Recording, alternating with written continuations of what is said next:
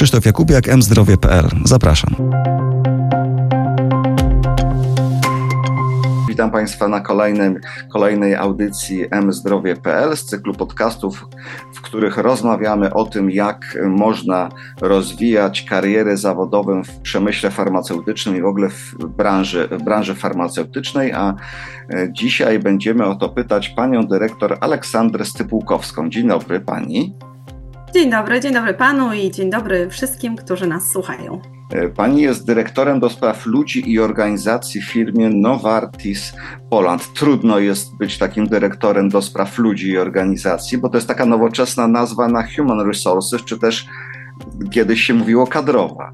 Tak, no, y, nie, myślę, że nie jest trudno tak długo, jak podążamy gdzieś za swoim e, powołaniem i pasją. E, dla mnie gdzieś tam ta praca z ludźmi i dla nich no myślę, że jest takim obszarem powołania i pasji, więc y, nie zaczynajmy tego spotkania od, od narzekania na tę rolę, absolutnie nie. Absolutnie nie narzekam i bardzo się cieszę, że będziemy mieli chwilkę E, poro, mogli chwilkę porozmawiać o tym, jakie są wyzwania, które stają przed pracownikami przemysłu, w ogóle branży farmaceutycznej, ale nie tylko w ogóle chyba przed każdej branży w dzisiejszym świecie, w którym jest bardzo dużo zmian. E, zmienia się świat, zmieniają się, rozumiem, potrzeby pracodawców i zmieniają się również E, kompetencje, którymi, e, które powinniśmy mieć, żeby pracować w nowoczesnych organizacjach.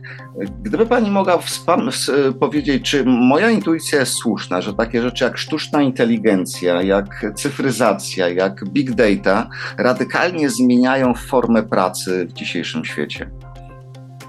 Absolutnie tak I, i właściwie nie jest to nawet aż tak nowe, jak nam by się mogło wydawać.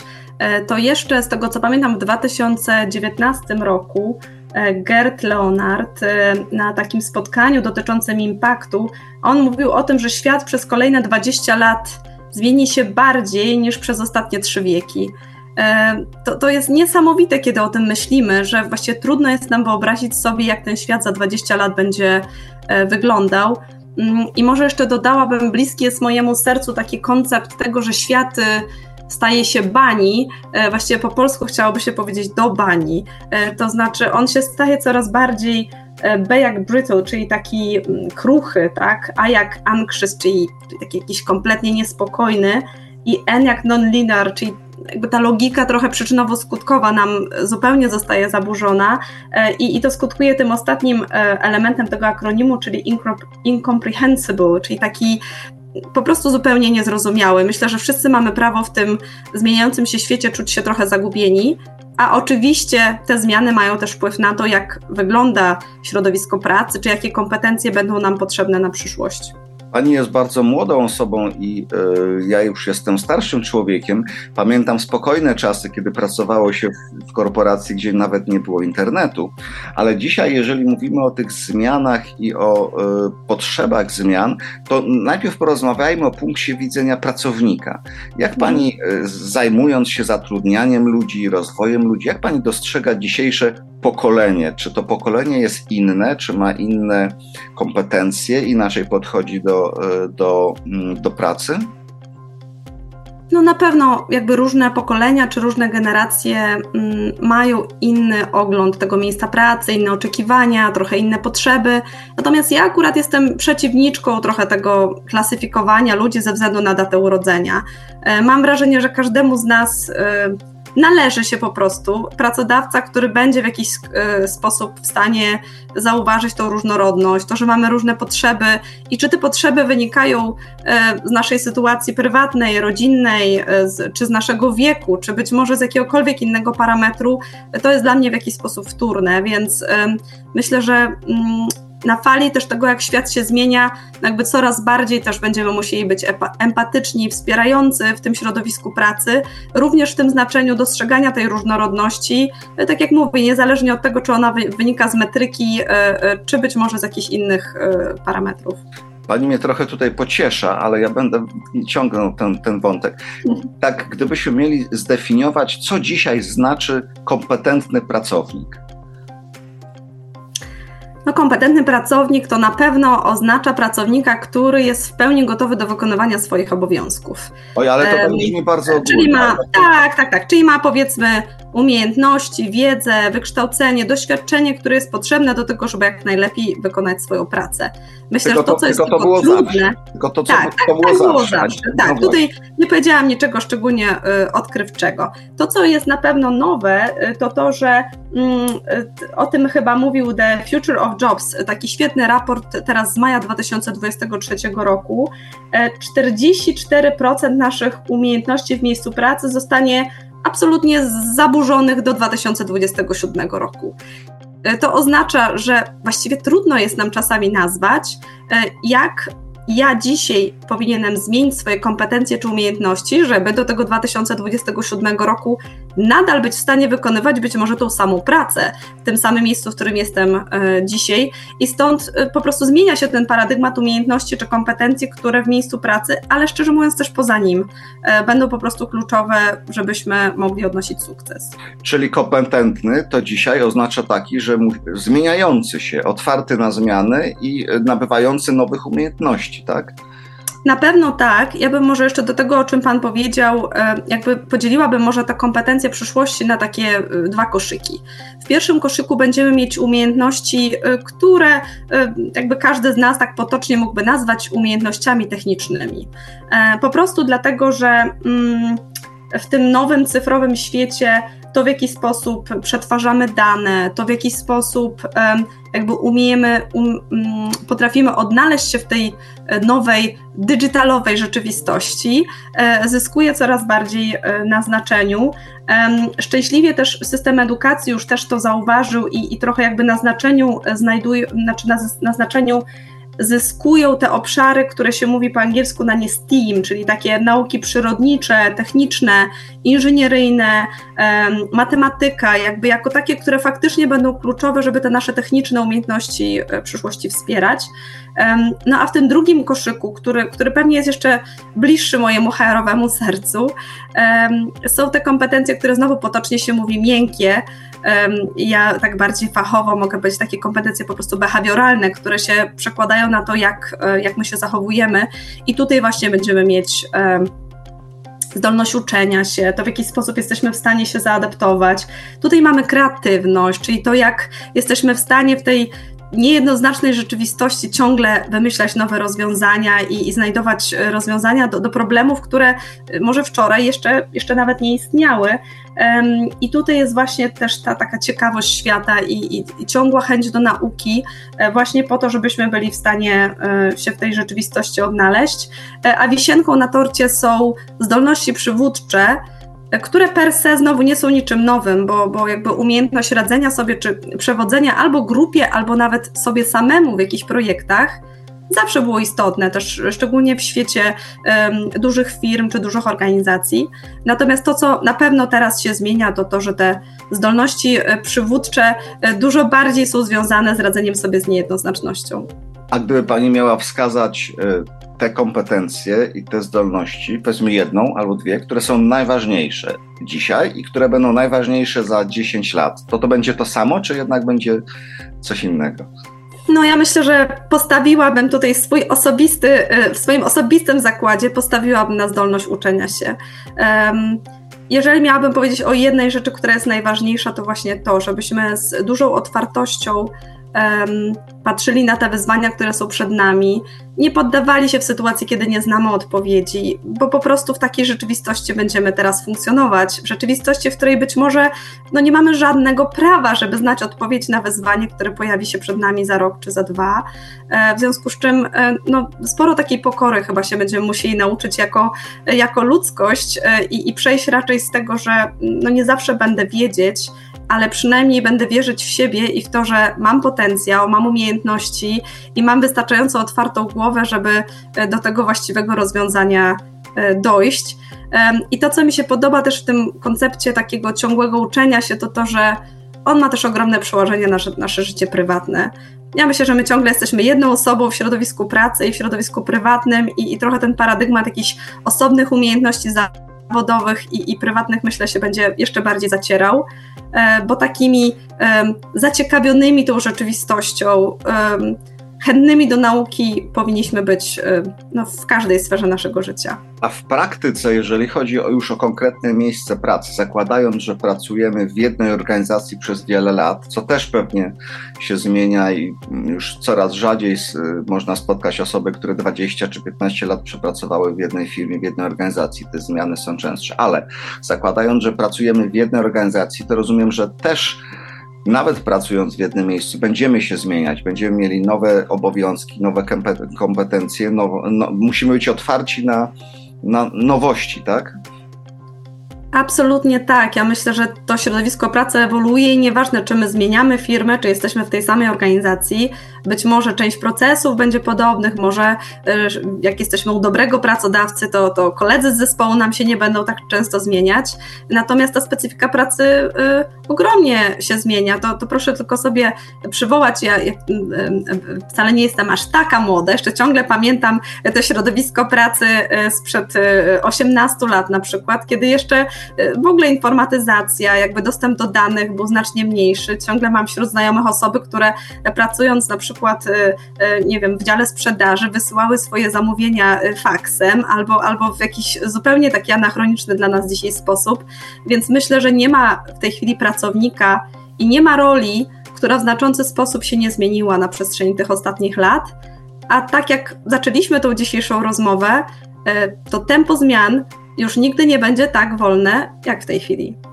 Oj, to mnie pani zaskoczyła w tym momencie. Ja myślałem, że jednak jakoś zwolnimy. Ale to proszę powiedzieć tak z punktu widzenia, z punktu widzenia pracodawcy, bo pani przed chwilą użyła takiego sformułowania, że jeżeli jest dobry pracodawca, to jest mniej zmian, to zespół jest bardziej stabilny. No właśnie, z punktu widzenia takiej firmy jak, jak Novartis, co zrobić, żeby być dobrym pracodawcą, żeby ludzie raczej przychodzili, a nie odchodzili? Tak, ja myślę, że powiedziałam, że jak się jest dobrym pracodawcą, to niekoniecznie tych zmian będzie mniej, bo nie wszystkie zależą od nas, ale tak, mam nadzieję, że będziemy w stanie budować po prostu lepsze miejsce pracy, z którego ludzie nie będą chcieli e, odchodzić, więc, więc to tutaj miałam na myśli. No, dobre miejsce pracy to takie, które jest w stanie z ludzi wykrzesać to, co jest z nich najlepsze. Ja bym to Ale takim, czy, to, że... czy to oznacza wyciskanie jak cytrynę? O nie, to już to wyciskanie już odeszło do lamusa, to już w latach 90. chyba już e, rynek pracy też zdał sobie sprawę z tego, że to, to zwyczajnie nie działa. W Novartis, akurat w firmie, w której jestem teraz, my mamy taką kulturę opartą o trzech fundamentów, o takie trzy fundamenty, o, o bycie curious, inspired i unbossed. Przepraszam za te anglicyzmy, no tak to już bywa w globalnych firmach, że, że my też z takich słów korzystamy. To teraz Natomiast proszę, one są oparte, proszę je rozszyfrować. Rozszyfruję, tak. One są oparte w dużej mierze o e, książkę Daniela Pinka pod tytułem Drive, która mówi o tym, co ludzi naprawdę motywuje i motywuje ich w środowisku pracy i poza nim. I to są te trzy elementy, które mówią o tym, że motywuje ich autonomia, czyli poczucie, że naprawdę mogą sami podejmować decyzje mm, w sprawach, które są dla nich e, ważne, czyli są tacy upodmiotowieni w tym całym procesie podejmowania decyzji i to my tłumaczymy na nasze unbost, czyli że każdy może e, brać odpowiedzialność za swoje decyzje, bo to ma oczywiście też tą stronę e, brania odpowiedzialności za, za te decyzje, które się podjęło. Drugim takim elementem czy komponentem jest e, mistrzostwo, tak? Pink mówi mastery, czyli jakby przestrzeń do tego, żeby stawać się coraz lepszym. I trochę też o tym dzisiaj mówimy, prawda? Jeżeli mamy podnosić swoje kompetencje, zmieniać się w tym środowisku pracy, to dobry pracodawca musi dać nam przestrzeń na to, żebyśmy się uczyli. Jakby w Novartis mamy taką e, aspirację Going Bit on Learning, która mówi o tym, że chcielibyśmy, żeby każdy pracownik przynajmniej 100 godzin w roku spędził na formalnych szkoleniach, tak? A to jest tylko drobna część tego całego procesu y, uczenia się. 100 godzin to strasznie dużo. 100 e, godzin, ale to, to jakby tak, na różnorodnych szkoleniach, które tylko mogą go jakoś tam ubogacić. E, natomiast ten trzeci element, bo o tym mówimy, prawda, o tych fundamentach tego, co zrobić, żeby to środowisko pracy wykrzesało z nas to, co najlepsze. To mówiliśmy o tym, no jakby o tej, o tej autonomii, o tym e, mistrzostwie, a, a trzecie, a być może najważniejsze, to jest e, ta purpose, czyli ten cel, ta misja, to poczucie, że właściwie to, co robię, wpisuje się w moje osobiste wartości, ale też na końcu ma jakiś większy sens, który jest dla mnie ważny, więc Myślę, że te trzy elementy, my też jako firma staramy się, żeby były naszą codziennością, żeby tworzyć takie środowisko pracy, e, w których to działa, bo, bo dzięki temu po prostu każdy będzie się tu czuł najlepiej i będzie mógł jak najlepiej też wspierać firmę i jej cele. No właśnie, właśnie. Przyczepię się znowu do słówka, którego pani użyła w ostatnim zdaniu. Każdy. Czy każdy pasuje do każdej firmy? Bo to też jest, e, myślę, takie, e, takie zagadnienie. Czy każdego pracownika, którego Państwo zatrudniacie, jesteście w stanie przekonać do tych wartości? Czy każdy pasuje do tej organizacji, czy jednak e, szukając pracy, ja się teraz czuwam w rolę pracownika, szukając pracy powinienem brać pod uwagę właśnie różnice filozofii poszczególnych firm i szukać takiej, która mi bardziej odpowiada, mi osobiście, pod mój charakter, pod mój styl bycia, pod moje, nie wiem, wartości czy, czy, czy sposób pracy, czy to jednak, czy uważa Pani, że ludzie są na tyle plastyczni, że można ich zmieniać i dostosowywać? Bardzo zachęcam Pana i wszystkich, którzy nas słuchają, do tego, żeby świadomie podejmować tę decyzję o miejscu e, swoim pracy. Ja zawsze nawet na spotkaniach rekrutacyjnych powtarzam, że to jest spotkanie dwustronne. Jakby my jako firma szukamy najlepszego pracownika, który ma te kompetencje potrzebne na danym stanowisku i jak najlepiej wpisze się w zespół, e, ale też kandydat w procesie rekrutacyjnym no, powinien zadawać pytania, które sprawią, że jak najlepiej pozna tego przyszłego pracodawcę i po prostu e, będzie wiedział, czy to jest miejsce e, dla niego. Także bardzo do tego zachęcam. Kultury organizacyjne e, coraz bardziej się różnią w, w tym znaczeniu, że niby wszyscy pracujemy z podobnymi konceptami, ale firmy po prostu na, na różne rzeczy stawiają, mają różne cele biznesowe, krótko i długoterminowe. Plus jeszcze warto też dodać, że jedna rzecz to jest deklaracja firmy dotycząca tego, jakie ma wartości, czy to jest dla niej ważne, a druga to po prostu rzeczywistość, która nie zawsze jest e, tożsama. E, mówimy tutaj otwarcie i prawdziwie o tym, jak ten rynek pracy wygląda, stąd też na znaczeniu bardzo zyskują e, polecenia pracownicze, jakby polecenia od znajomych, czy znalezienie osób, które w tej firmie faktycznie funkcjonują, które będą w stanie nam powiedzieć, jak te fantastyczne wartości, które firma deklaruje, mm, wyglądają w codziennej pracy. A jak pani powie, czym się różni branża farmaceutyczna od innych firm na rynku? Czy jest jakaś taka specyfika tej branży, firm farmaceutycznych e, w stosunku do, do, do innych, nie wiem, ubezpieczeń, branży finansowej itd., tak itd.? No ja sama do, do branży farmaceutycznej trafiłam 5 lat temu i, i jakby myślę, że mogę się tu jakimś Twoim osobistym przemyśleniem podzielić. No dla mnie ta ogromna różnica wynika z tego purpose, z tego ostatecznego celu, który mamy jako branża.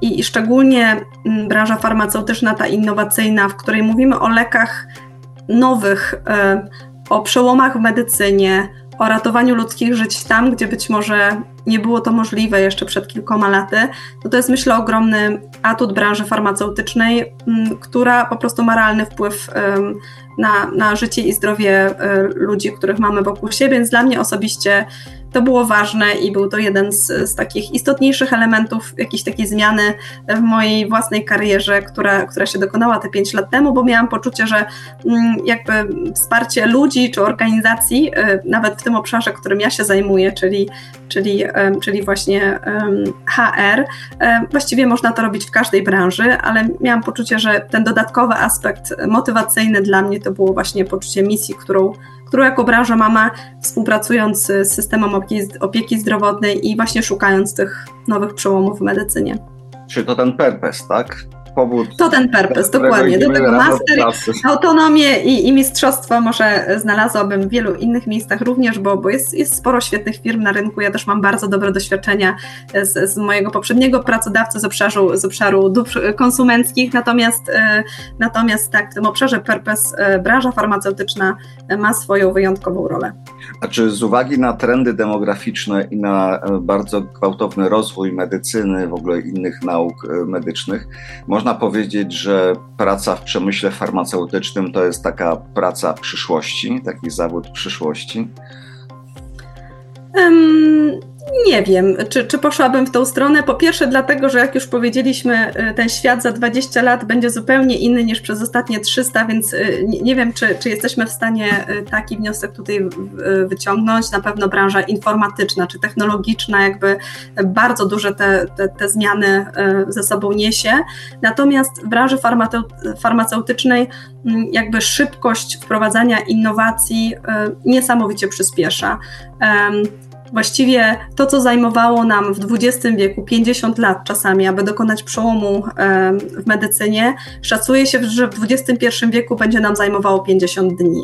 Więc jakby ta wiedza medyczna, którą mamy, będzie się podwajała jakby w wykładniczym tempie i w związku z tym spodziewam się, że przed nami są po prostu niesamowite innowacje e, i, niesamowite przełomy medyczne, których branża farmaceutyczna też będzie swoją, e, w którym też branża farmaceutyczna będzie miała swoją rolę.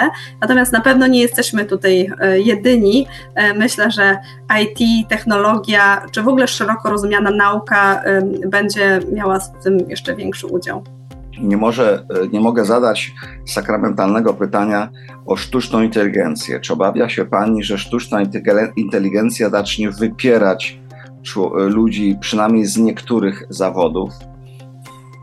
Ja się tego naprawdę nie obawiam. E, to znaczy, bardziej cieszę się na samą myśl o tym, że sztuczna inteligencja w tak wielu różnych obszarach będzie mogła uwolnić nasz czas i naszą energię e, na robienie rzeczy, które naprawdę są ważne. I, i um, sporo osób, w ogóle um, Polacy są uważani za jedną z, z najbardziej przepracowanych nacji. My bardzo dużo pracujemy, jest ogromny ten etos pracy u nas w kraju e, i, i jakby z nadzieją patrzę w przyszłość, myśląc o tym, jak bardzo sztuczna inteligencja i technologia może pomóc nam trochę uwolnić tego czasu wolnego, e, po to, żebyśmy mieli czas też na rozwijanie swoich pasji, na rodzinę, e, więc raczej upatruję w tym ogromnych e, szans na przyszłość. Natomiast oczywiście ryzyko jest takie, które za tym idzie, że prawie wszyscy będziemy się musieli uczyć nowych rzeczy, być może zmienić profil naszej aktualnej działalności, być może się przekwalifikować, bo tak, dla niektórych ról nie będzie już miejsca w perspektywie 10 czy 15 lat z całą pewnością.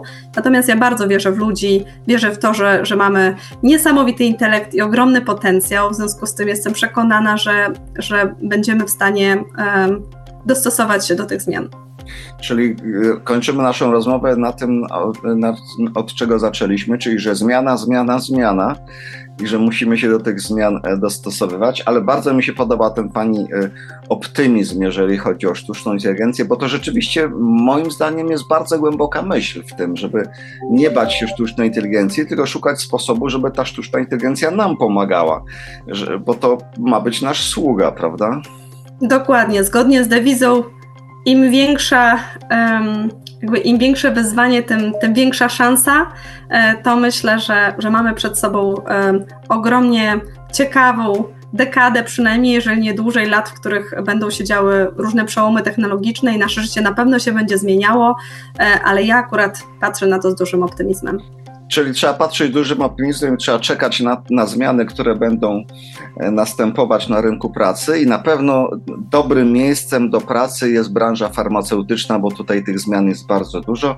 Bardzo dziękuję Pani Dyrektor za rozmowę. E, rozmawialiśmy o tym, jak rozwijać kompetencje, w jaki sposób będziemy pracować w przyszłości i że będzie coraz lepiej, a nie coraz gorzej. A dzisiaj e, mówiła nam o tym pani dyrektor e, Aleksandra Stypułkowska. Która jest, powiedzmy, HR-owcem z pasji, z powołania i z zawodu, a prywatnie mamą trójki dzieci oraz niepoprawną optymistką czyli zarządzanie personelem również w domu e, ćwiczy Pani, a tylko dodam, że Pani pracuje w firmie Novartis Poland. Bardzo dziękuję tak Pani dyrektor za rozmowę.